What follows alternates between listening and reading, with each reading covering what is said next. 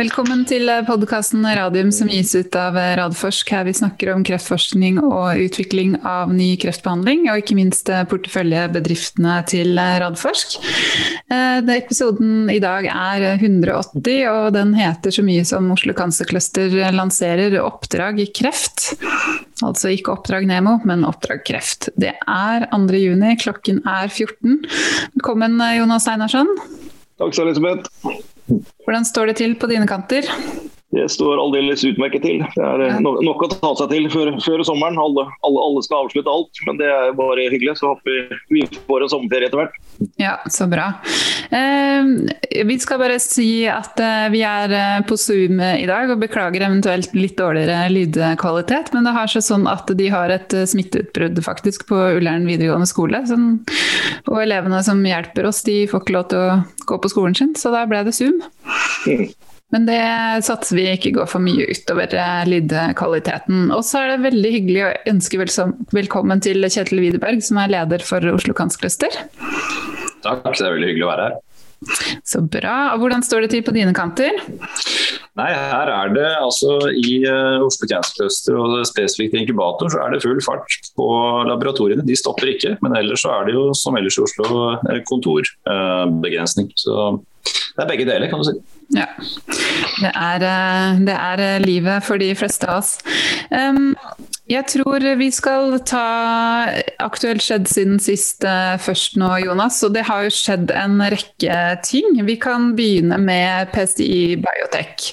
De har jo da fått uh, Orphan Drug Designation i Sør-Korea for sin behandling under utvikling av uh, gallegangskreft. Kan ikke du si litt om hva det innebærer?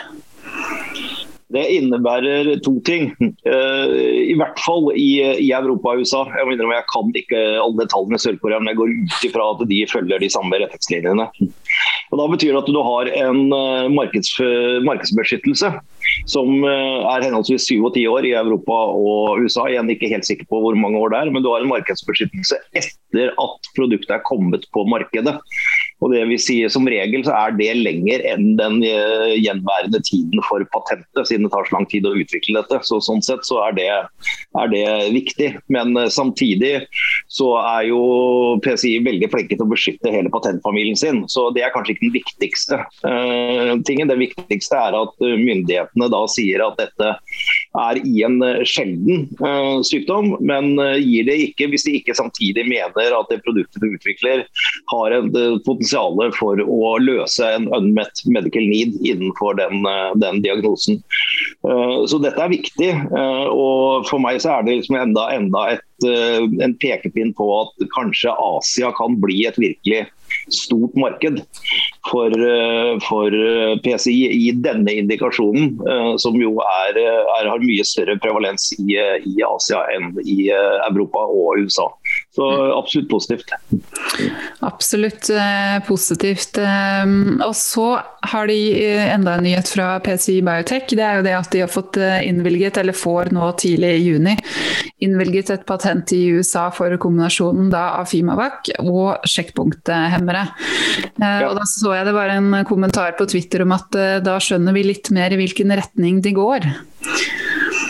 Ja, ja. og innenfor, uh, innenfor, kreftvaksiner så er det helt klart at det er nå etablert at uh, enten det er alle immunstimulerende midler, enten det er onkolytisk virus eller, eller peptidvaksiner eller andre, som LAG3 og IDO og disse tingene, andre ting som, som, utvikles, så vil det være kombinasjonsbehandlinger. Eh, og Da vil du beskytte ditt, eh, din teknologi i kombinasjon med, med sjekkpunkthemmere og andre uh, av, av det, de immunstimulerende. Så, så, det er helt klart at innenfor kreftvaksiner så er det det som peker seg ut som den, den rette veien å gå. Mm. Eh, hvis vi går videre, så er det en nyhet fra Seluna Immunotherapy. De har da inngått to eksklusive lisensavtaler med ingen ringere enn MD Anderson Cancer Center. Det er stilig. Ja, det er, eh, det er et selskap som ikke er, er børsnotert og går litt uh, under radaren. Uh, og de restrukturerte jo strategien sin for et par år siden.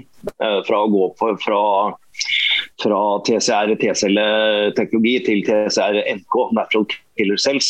Uh, og uh, det er Hvis de lykkes med det, så er jo det helt revolusjonerende. Uh, fordi man da kan få såkalt allogenik vei å gå. Det betyr altså at man, den store målsettingen der er at du ikke behøver å skreddersy til hver enkelt pasient, men nesten sånn off the shelf kan plukke en TCR-NK-kombinasjon som passer til den sykdommen. Og Celleterapi har jo sine begrensninger. Først og fremst fordi at eh, CAR-10-teknologien er begrenset uh, foreløpig, og antagelig videre også, til uh, såkalt liquid tumors, altså blod blodkreftsykdommer. Men ikke har hatt noen suksess innenfor solide tumores. og disse to TCR ja, komponentene som de nå har innlisensiert eksklusivt, Eh, er, er, eh, går mot flere av de store, solide kansertypene. cancertypene.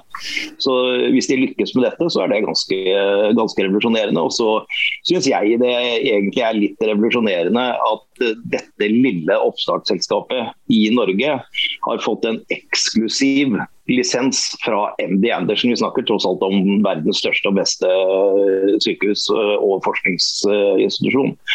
Eh, for å utvikle det mot, med, NK. Så kan de selvfølgelig, jeg har ikke sett den avtalen, men jeg går ut ifra at de kan lisensiere den ut til CAR-10 eller, eller annen TCR-T-celleteknologi. Men, men innenfor TCR-NK så har de fått en eksklusiv lisens. Det er det er stilig. Ja, det er uh, gøy. Um, og selv om det er mye forskning og, og, klinisk forskning som gjenstår her, så er det jo, altså de er jo verdensledende i den kombinasjonen med TCR og NK-celler. Altså det å styre disse naturlige drepcellene til T-cellereseptorer. Ja. Ja. De, de, de, de, ligger helt, helt, i front der, så det, det, er egentlig ingen andre å sammenligne seg med, med, der per i dag. Det er sikkert mange andre som forsker på det, det, det kan jeg altfor lite om, men, men, vi er helt med i toppen. Mm. Uh, videre til Photocure, så har de da åpnet uh, sitt europeiske hovedkvarter nå i Düsseldorf i Tyskland.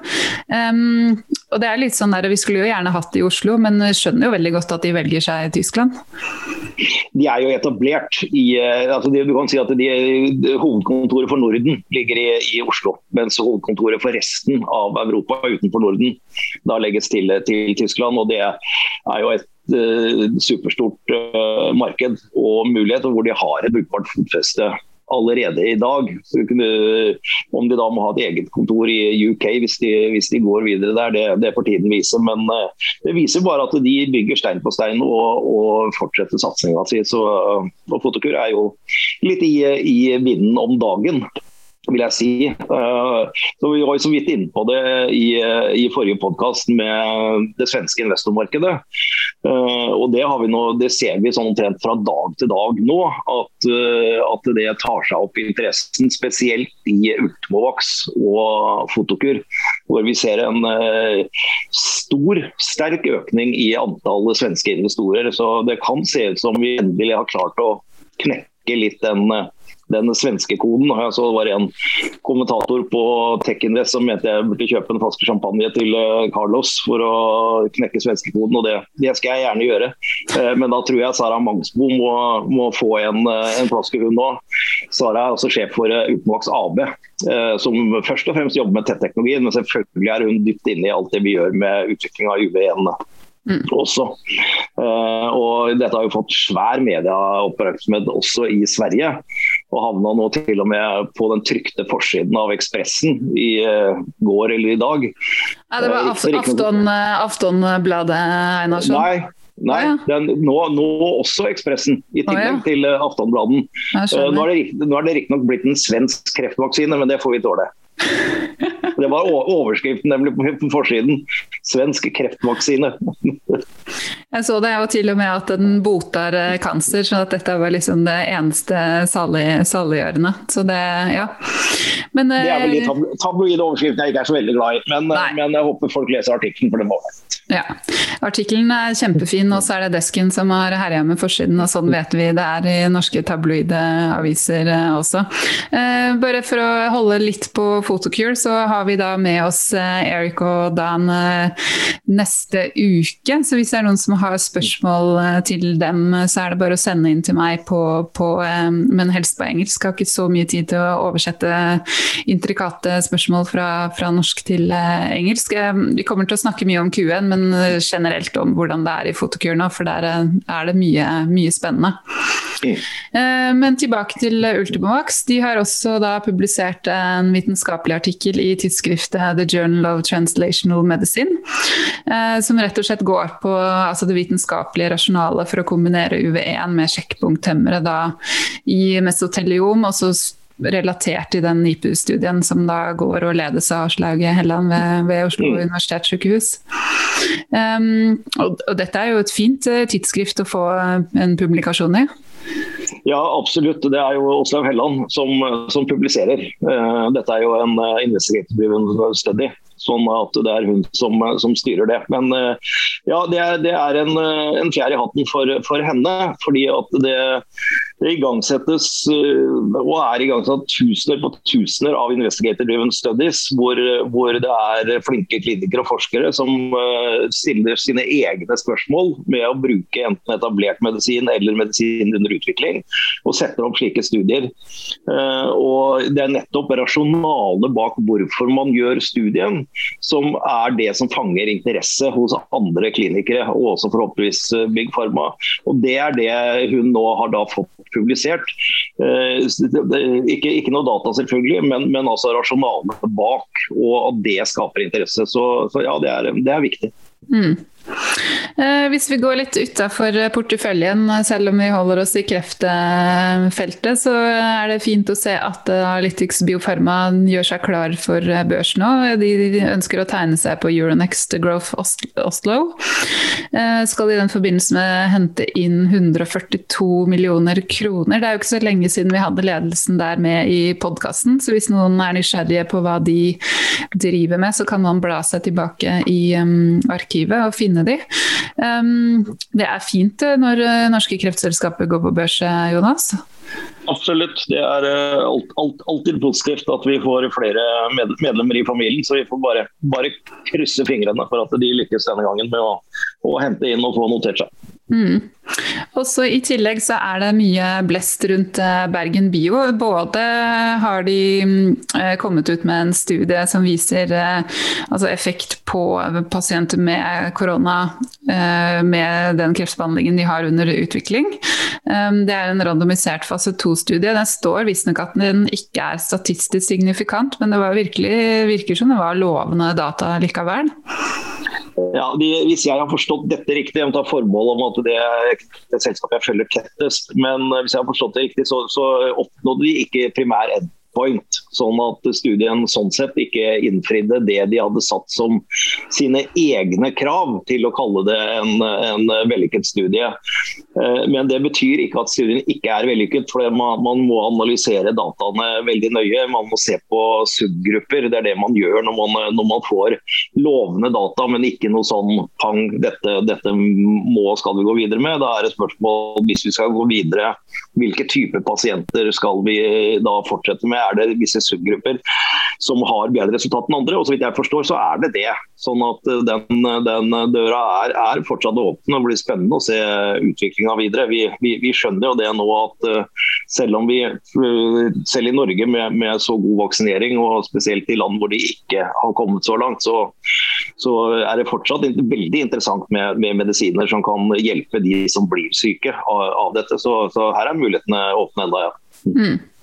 Uh, og de skal jo også presentere på ASKO, som da starter nå om bare to dager, altså 4.6 til 8.6. Men da er det en fase 1-2-studie som de har gående på da, Bemsetenib, den kreftakselhemmeren, i en kombinasjon i uh, ikke-småcellet lungekreft. Så um, det også, er jo morsomt at jeg har både Ultimovax og Bergen Bio som presenterer på, på ASKO i år.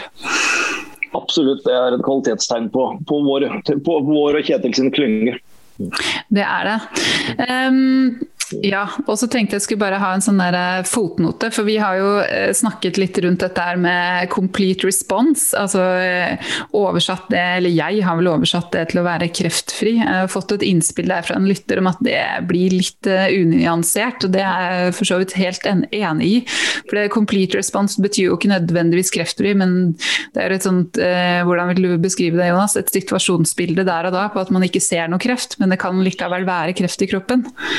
Ja, det, det, er helt riktig. Altså, når, når vi, eh, hvis jeg som kliniker eh, eller allmennpraktiker skulle, skulle, beskrive complete respons, så ville, ville jeg brukt det uttrykket over pasienten. At du er kreftfri i den form at vi ser ikke noe kreft på dine bilder. Men det er et helt annet bilde når vi snakker om kliniske studier. Da snakker vi om helt sånn knesatte prinsipper for hva man måler og hvordan man måler det. Vi har tidligere brukt det som heter resist, nå heter resist 1.1, hvis jeg husker riktig. Versjon 1.1. Eh, og Der er det helt sånn beskrevet hvor mange av tumor- og kreftsvulster du skal identifisere som målbare før du begynner studien. Tidligere var det minst ti ved, ved fjernmetastaser, nå er det fem. Eh, og så var det fem i ett organ, nå er det to. Så det er litt, det siste én er forandra litt. Men da er det de du følger og ser på hvor mye de du selv har plukket ut på forhånd og sagt er målbare. Du har sett Det har vært litt forvirring rundt dette med i, i gallegangskreftene i PCIs uh, eh, release-studie. Eh, for der er det eh, svulster, men de er ikke målbare. De må ha en viss størrelse og en form som gjør at man kan måle de, enten man da bruker CT eller MR eller PET-teknologi. Og Nå har det kommet også enda mer avansert teknologi, hvor man bruker en sånn isotop sammen med PET-en i tillegg, som da opptas av kreftceller og kan enda sikrere si om det er eller ikke. Men, men definisjonen på complete response, partial response, stable disease og progressive disease i kliniske studier, det er ganske nøye definert der. Men det betyr f.eks. med lymfeknuter hvis du har forstørrede lymfeknuter som er mer enn hvis jeg husker riktig, 15 mm, så kan betegnes det som en del av sykdomsbildet. Men hvis de går under 10 mm, så beregnes de at de har skrumpet ned at det ikke er kreft i de lenger, men det kan det være allikevel. I tillegg til det så kan det være noe, en, en tumor som går i nekrose og Derved så vil det oppstå f.eks. i leveren, og da vil det oppstå et hulerom der som kan bli definert som en, en, en cystisk tumor men som egentlig bare er et sammenfall av en gammel tumor. Så det, Dette er laget for å ha mest mulig sammenligninger, og brukes først og fremst der man ikke har randomiserte studier. Mm. For Når man har randomiserte studier, så er det lettere å lage et bilde. Så dette er utrolig komplisert. Men, men, eh, Det var et langt svar på et kort spørsmål, men, men svaret er det, er det, er feil i en sånn kvinnestudie å bruke uttrykket kreftfri. så eh, ja. det, vi, vi, bør holde oss bare til komplett respons. Men eh, bakteppet her er jo nettopp det at når man da skal ut og kommunisere dette her utad eh, til verden, til både journalister og til, til vanlige, altså vanlige folk som ikke er så inne i liksom klinisk kreftterminologi, for det kan man ikke forvente, så må man på en måte finne, finne et godt begrep begrep. Så, men, men, som sagt, det der kreftfri er jo da et øyeblikksbilde. Ja, og det er, det er, det er en ting til der som er viktig. Liksom, det er også at det er de første resultatene du får. Det er liksom hvordan reagerer svulstene på den behandlingen de får. Og vi vet jo f.eks. at med cellegift så er jo den initielle komplette responsen den er ofte veldig, veldig god. Men det betyr ikke i de tilfellene nødvendigvis at pasienten forblir kreftfri så lenge. Mens med immunterapi så har vi nå begynner å få et bilde av at der hvor vi får komplett respons, så får vi også, er det et tegn på at vi får neste endepunkt, progression free survival, altså hvor lang tid tar det før svulstene kommer tilbake eller øker igjen.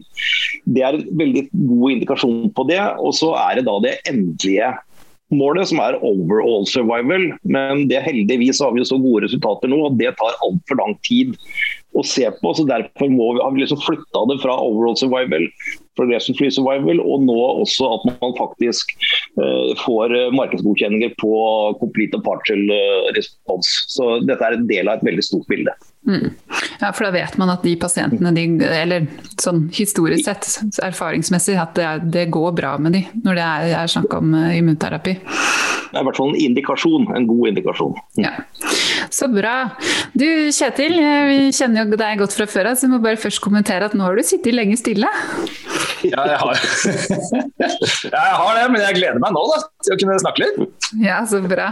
Du må bare ikke snakke, du må sitte litt rolig når du snakker inn i mikrofonen, så ikke folk skvetter så fælt når du kommer på.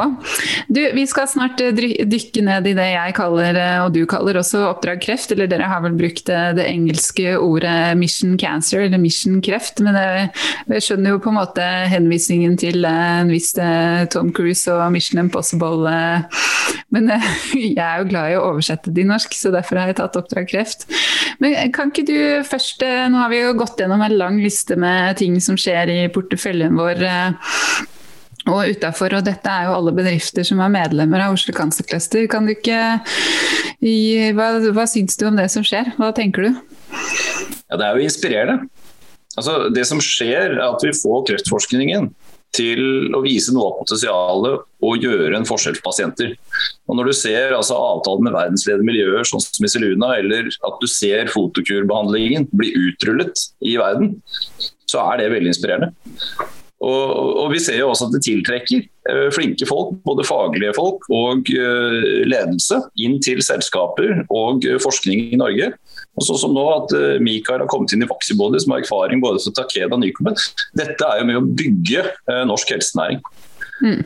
Og så ser vi siste kanskje, det er, liksom at det, det er også en motiverende effekt for at det går bra med selskapene. fordi Er det én ting covid har vært positivt for, så er det jo å vise samfunnet hvilke helter og rockestjerner som forsker og gjør kliniske studier for å bringe ny helseinnovasjon på plass. Og det, det, at vi nå ser at norske selskaper er helt i teten internasjonalt, det gir motivasjon. Alt fra elevene er på Ullern skole til norske og internasjonale investorer. Mm. Så bra. Og da, Før vi går videre, også, så må du gi en eh, kort introduksjon til deg selv og eh, Oslo Cancer Cluster, sånn at eh, lytterne vet hvem du er og hvem du representerer. Ja, altså Oslo Cancer Cluster er jo en non-profit medlemsorganisasjon som har som mål å akselerere utvikle en ny kreftbehandling.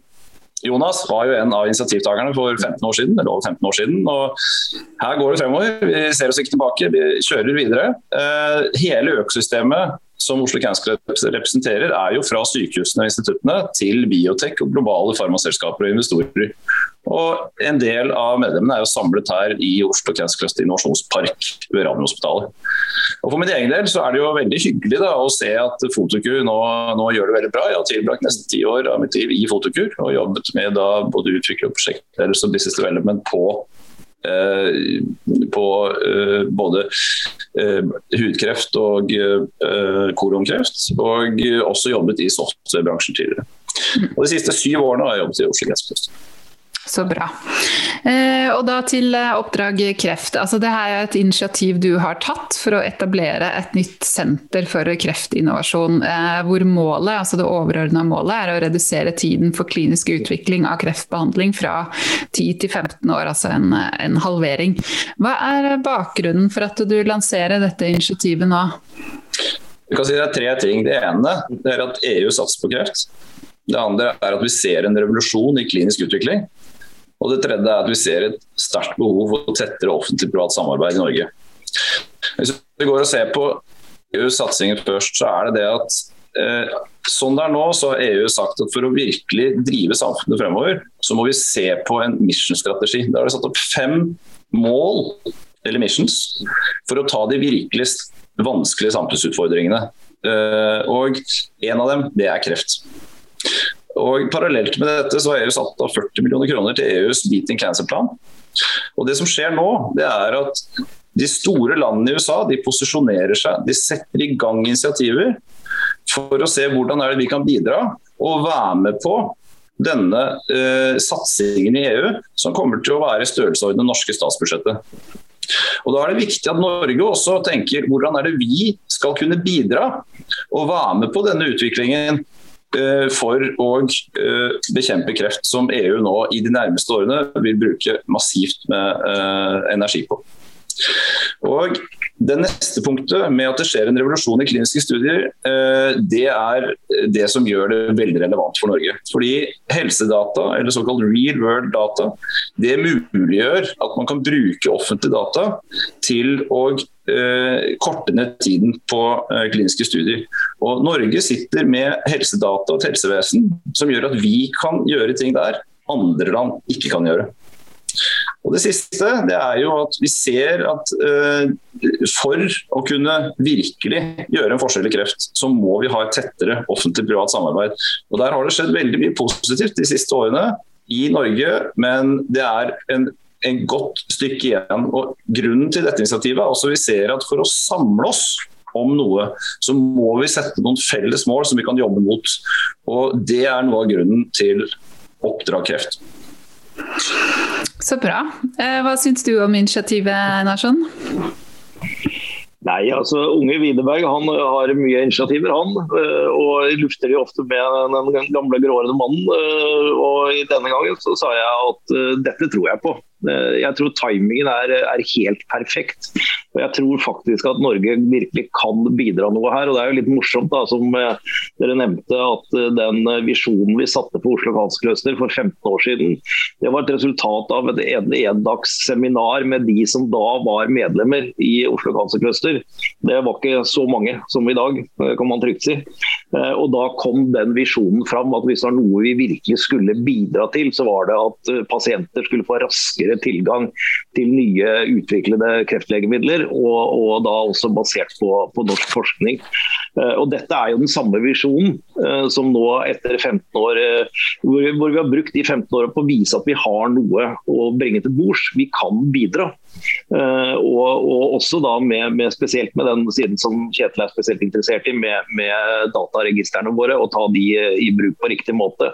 Så timingen jeg tror jeg er helt perfekt. og Kjetil hadde jo en, en, en glimrende kronikk i Morgenbladet her for en stund siden om akkurat dette. Uh, og når jeg var invitert til å holde et innlegg sammen med statsråd Asheim på, som uh, var på lanseringen av uh, den nye vurderingen av langtidsplanen for forskning og utdanning, så sa han spesifikt at det de ønsket seg av høringsinnspill, var f.eks.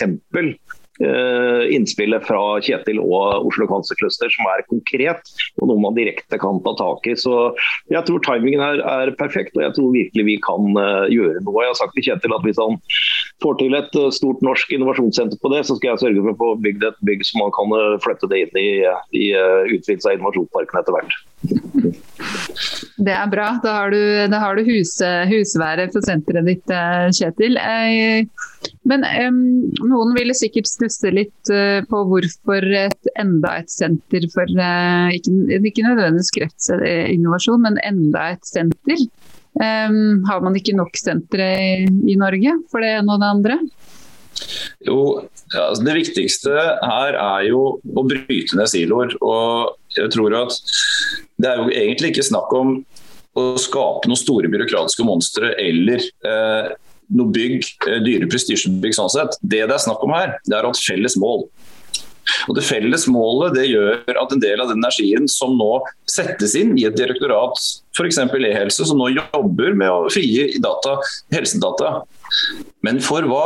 For forskning? Ja, hvilken type forskning? Hvis vi setter et mål på at vi skal bruke de dataene for å halvere tiden eh, det tar for å utvikle ny behandling, så er det et mål som samler.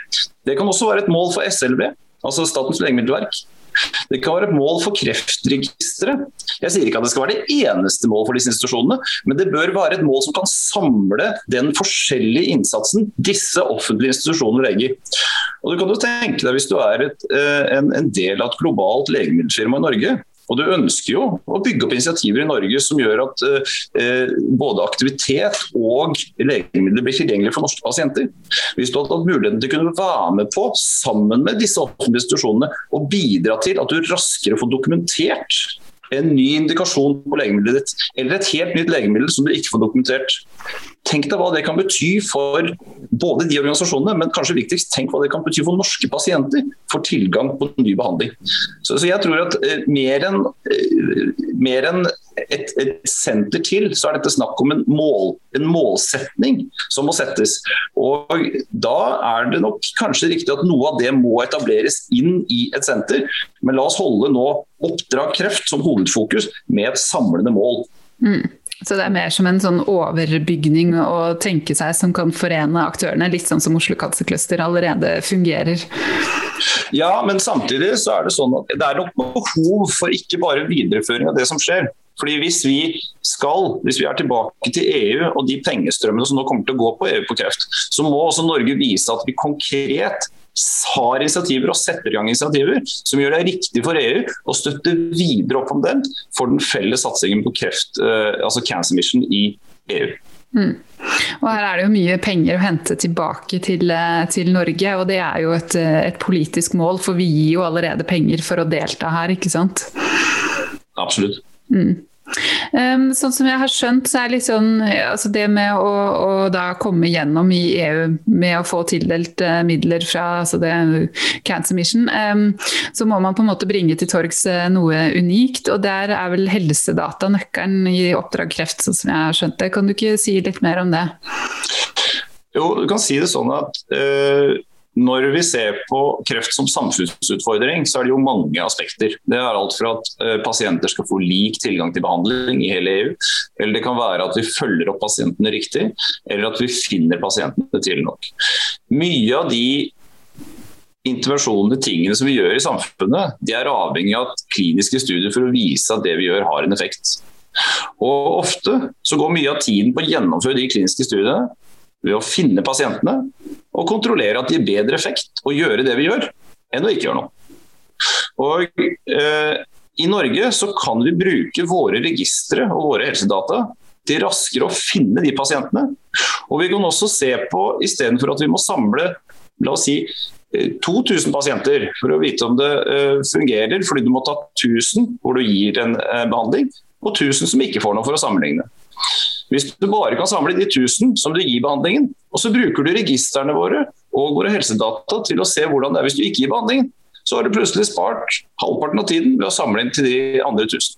Så Det er på en måte, det, det, er i hvert fall to veldig umiddelbare effekter som kan hentes inn ved at det vil ta dramatisk kortere tid å utvikle behandling. Hvis man i tillegg legger til at når man ser og overvåker hvilke eh, pasienter som har nytte av det, så kan man da bruke dette til å kunne frigi medisinen tidligere enn man gjør i dag. Men også da sørge for å korrigere og eventuelt stoppe behandling på noen eller alle pasienter hvis det ser ut til å ikke ha den ønskede effekt. Mm. Det høres veldig enkelt ut når jeg sier det sånn, men dette er det mange land. USA, FDA har investert massivt de siste årene. EU har prøvd mange ganger, men det er vanskelig å få til når du ikke har data som dekker hele befolkningen, eller en datadybde som gjør at du kan følge pasientene gjennom hele livet. Mm. Og det er det man har i Norge, med hjelp av personnumre og en eh, rekke helseregistre. Det har vi i Norge og Norden som, som eh, noen få land i verden. Ja. Mm. Um, det, med at eh, man skal da redusere tida for klinisk utvikling eh, fra 10 til 15 år, det er jo, altså det er jo et ambisiøst mål, det kan vi jo være enige om. Um, hvordan konkret ser du for deg at man skal kunne organisere et sånn type senter? Altså hva, hva skal til for, å, for, for, å, altså, for at dette skal bli en realitet, rett og slett? Jeg tror vi må som sagt, altså det, Senteret settes jo opp for å uh, gi en retning både for firmaer, byråkrater, forskere og pasienter. Og Det skal bygge på de strukturene vi har i dag. Altså for eksempel i, har vi samlet nå rundt presisjonsmedisin, et korsum som heter Connect, som går rundt Impress-studien. Og Vi skal bygge på gode Eh, samarbeid og initiativer vi har. Men samtidig, for å virkelig få retningen her, så tror jeg man må sette opp et non-profit-laboratorium hvor det er en grunnfinansiering for å bevare den frie forskningen og bygge kompetanse. Og eh, gjør at forskningen kan konkurrere internasjonalt. Eh, og det bør være mulig å ha vertskap til eh, altså Senter for fremdragende forskning. Eh, og parallelt med dette at vi må finne samarbeidsformer med industrien både store og små firmaer. Eh, som gjør at vi kan både overføre kunnskap og sette forskningskunnskap raskere i verk. Og eh, det skal være, Grunnen til at det skal være ett senter, det er fordi at målsetningen om det skal gå raskere, den, sånn det er i dag, så ser vi ofte at en del forskning den går dessverre dit hvor finansieringen er tilgjengelig. Og Da får vi en veldig fragmentert innsats på de store samfunnsutfordringene, som f.eks. kreft. Og Et sånt senter vil kunne gjøre at vi samler fokus, selv om det sånn sett skal være fri konkurranse og sterkt konkurransedrevet hvem som får dette, så får vi likevel en retning på hvilken innsats vi gjør innenfor øh, å få forskningen til pasienten. Mm. Hva er eh, tilbakemeldingene på, eh, på, initiativet så langt? Fra både, jeg tenker både på aktører i, i kreftmiljøet, men også sånt som ja, Jonas eh, nevnte jo statsråd Asheim i Kunnskapsdepartementet, Innovasjon Norge, Forskningsrådet. De er jo alle instanser som er veldig opptatt av, av EU-samarbeid, og at man skal hente tilbake penger fra, fra EU. Nei, dette er jo en, eh, altså, eh, Som Jonas sa, altså, selve formålet her har jo vært en paragraf for Oslo tjenestecluster i, i, de siste 15 årene. Eh, og har vært noe som har vært støttet både av fagmiljøet og våre da, rundt 100 medlemmer. Så, så liksom, ideen om at vi skal jobbe med akselerering av dette, og støtten rundt at vi jobber mellom offentlig og privat for å få til da, den opplever vi som har vært langsiktig eh, og eh, stor i mange år. Denne konkretiseringen opplever vi også både fra politisk hold og fra miljøet er etterlengtet. Den er etterlengtet, og vi ser at den er ønsket. og Vi ser også at det som har skjedd nettopp nå med den digitaliseringen av onkologi som vi kaller det, og endringer i kliniske studier, gjør at timingen nå oppleves som riktig. Og eh, du kan si det sånn at Prinsippet om at vi samler oss rundt det at vi skal hente igjen EU-penger, det er jo vanskelig å være uenig i.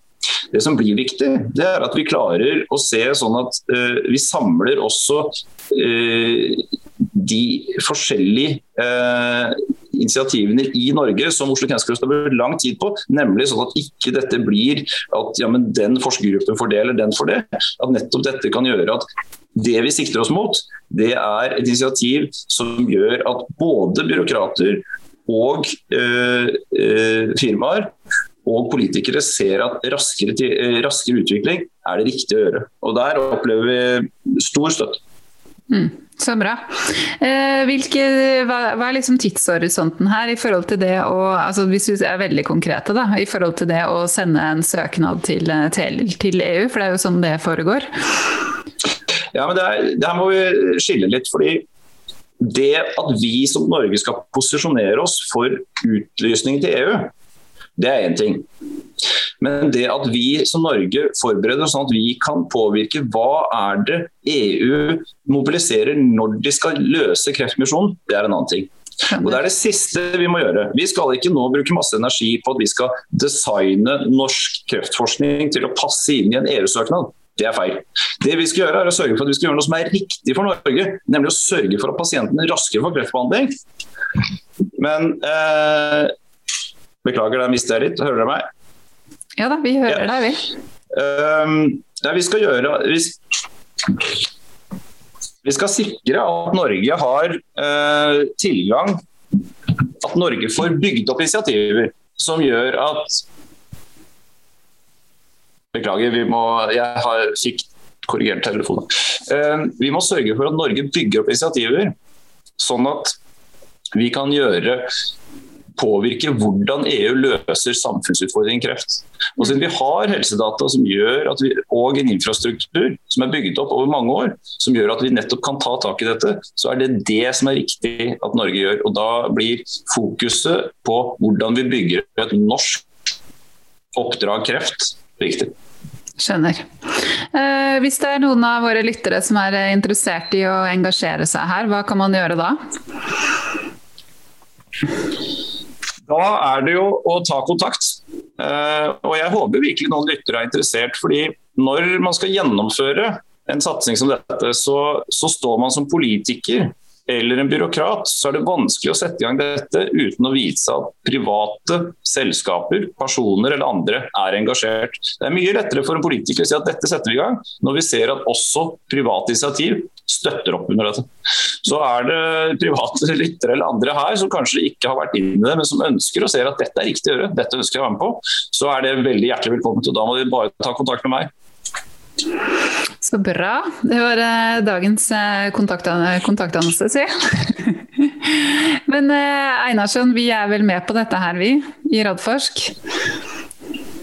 Det er vi absolutt. Dette, dette støtter vi, støtter vi helhjerta. Og det er, det er, da det er så godt å ha en, et organ en forening som Oslo Cancer Cluster, som kan tale med en stemme fra de, alle disse 100 medlemmene som dekker, de, de dekker hele verdikjeden. Fra, fra, forskning til biotek til, til Big Pharma. og vise at vi, vi står uh, sammen uh, bak dette her. Så, så, vi skal gi Kjetil all den, all den støtte vi kan. Så bra. Eh, og så får vi håpe at eh, politikerne ikke er helt eh, mettet med, med helseutfordringer etter eh, lang tid med pandemien, men det, det, som man kan være sikker på, er at kreft det forsvinner ikke. og Det er jo snarere sånn at man forventer at det kommer til å være enda flere mennesker, ikke bare i Norge, men i Europa med, med kreft, som ikke, da, som ikke har blitt oppdaget nettopp pga. pandemien. Mm. Um, Masse lykke til, eh, Kjetil. Vi skal ta noen spørsmål fra lytterne. Eller det er ett spørsmål vi har fått inn fra lytterne nå, Jonas. Jeg leste nettopp at eh, Amgym har fått godkjennelse av FDA på medikament basert på KORAS i eh, non-small cell lungekreft.